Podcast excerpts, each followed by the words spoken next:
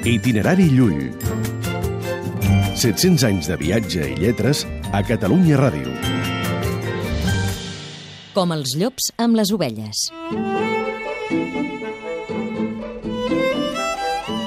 Llull no es mostrava gens complaent amb els governants de l'època i encara menys amb els seus funcionaris. Els reis i els prínceps fan batlles i oficials i procuradors i jutges, perquè no podrien governar tots sols. Però què hi fa? Perquè sempre veiem que aquells a qui fan oficials són majoritàriament homes mentiders i injuriosos i lladres als seus senyors i al poble que els ha estat encomanat.